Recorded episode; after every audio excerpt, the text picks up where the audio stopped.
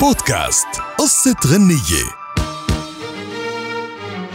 قصة أغنيتنا لليوم هي من روائع أبو وديع سلطان الطرب جورج وسوف اللي كشف إنه أغنية كلام الناس هي أهم محطة غنائية بحياته وذكر بأنه ما كان بده يغنيها.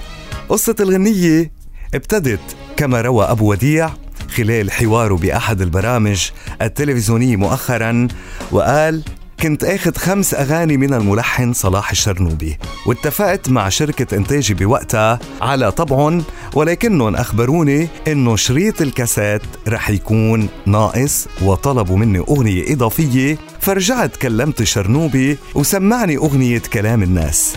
وقال باللهجة المصرية ما كانتش عجباني وحسيت فيها استهزاء بالناس ولكني كنت مضطر أقفل الشريط فخدتها فوق البيعة ولكن الناس حبتها جدا. هذا الشيء لم يكن متوقع. حتى جورج وسوف قال ما كنت متوقع إنها تكون أهم ما غنيت.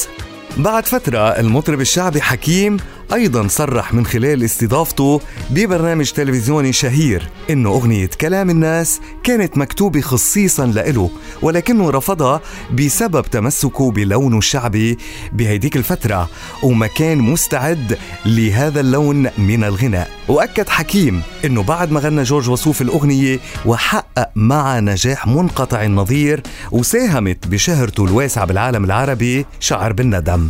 طرحت أغنية كلام الناس عام 1994 وكانت من كلمات أحمد شتا وألحان صلاح الشرنوبي وبالطبع تعتبر رائعة سلطان الطرب وحتى إنها تحولت إلى مثل شعبي برد باسم الناس على أي كلام ما بيعجبهم من الناس. كلام الناس لا بيقدم ولا يأخر. كلام الناس ملامة وغيرة مش أكتر بودكاست قصة غنية.